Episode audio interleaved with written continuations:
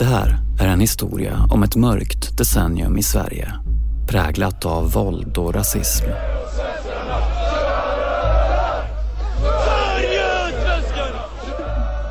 Det är en berättelse om ett rött tegelhus i Norra Hammarbyhamnen i Stockholm som under flera år är en skattefinansierad fristad för skinnskallar.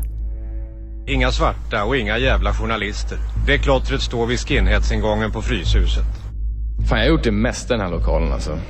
Jag har super skallen av mig, jag har sovit här, jag har pippat här, jag fan, säg det jag inte har gjort här. Tanken med lokalen är att skinnskallarna ska hållas borta från gatan där de ofta hamnar i bråk och slagsmål.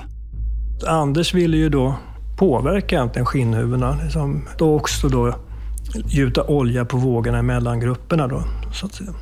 Och då behövdes det liksom finnas en plats där man kunde liksom ha de här samtalen eller mötas. Liksom sådär. Men där inne där spelades ju då eh, hela tiden vit maktmusik i denna kommunalt betalda lokal.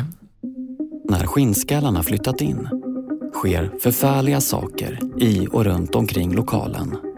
Misshandelsfall. In i lokalen satt ett skinnhuvud och tvättade blod från sina kängor med öl. Mordförsök. Skinnhuvud hoppade sönder 29-åriga Christers ansikte.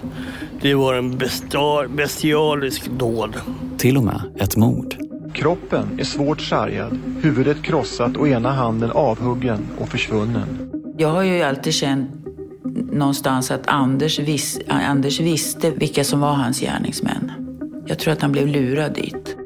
Och så förstås Anders Karlberg, mannen som alltid står på skinnhuvudenas sida, hur hårt stormen än blåser. Ett dödsfall, en invalidisering. Om vi, nej, finns det någon nej, nej, det finns, nej, det finns, Om man jobbar med den här typen av ungdomsgrupper, kriminella invandrarungdomar, äldre skinnskallar, så löper man en risk att hamna i olika situationer som man fått ansvar för. Vi, vad vi måste bedöma, befin, går den här verksamheten åt rätt håll? Jag hade nog kunnat stoppa det tidigare, det tror jag. Hör socialarbetare, poliser, politiker, aktivister och skinnskallar berätta om ett kontroversiellt socialt projekt under 80 och 90-talens Stockholm. Vi tyckte det var sån oerhörd naivitet. Det här är Skuggland. Skinnskallar och benhuven. Krossa kommunismen! Alla hatade oss. Och det var ju för att vi slog så jämt.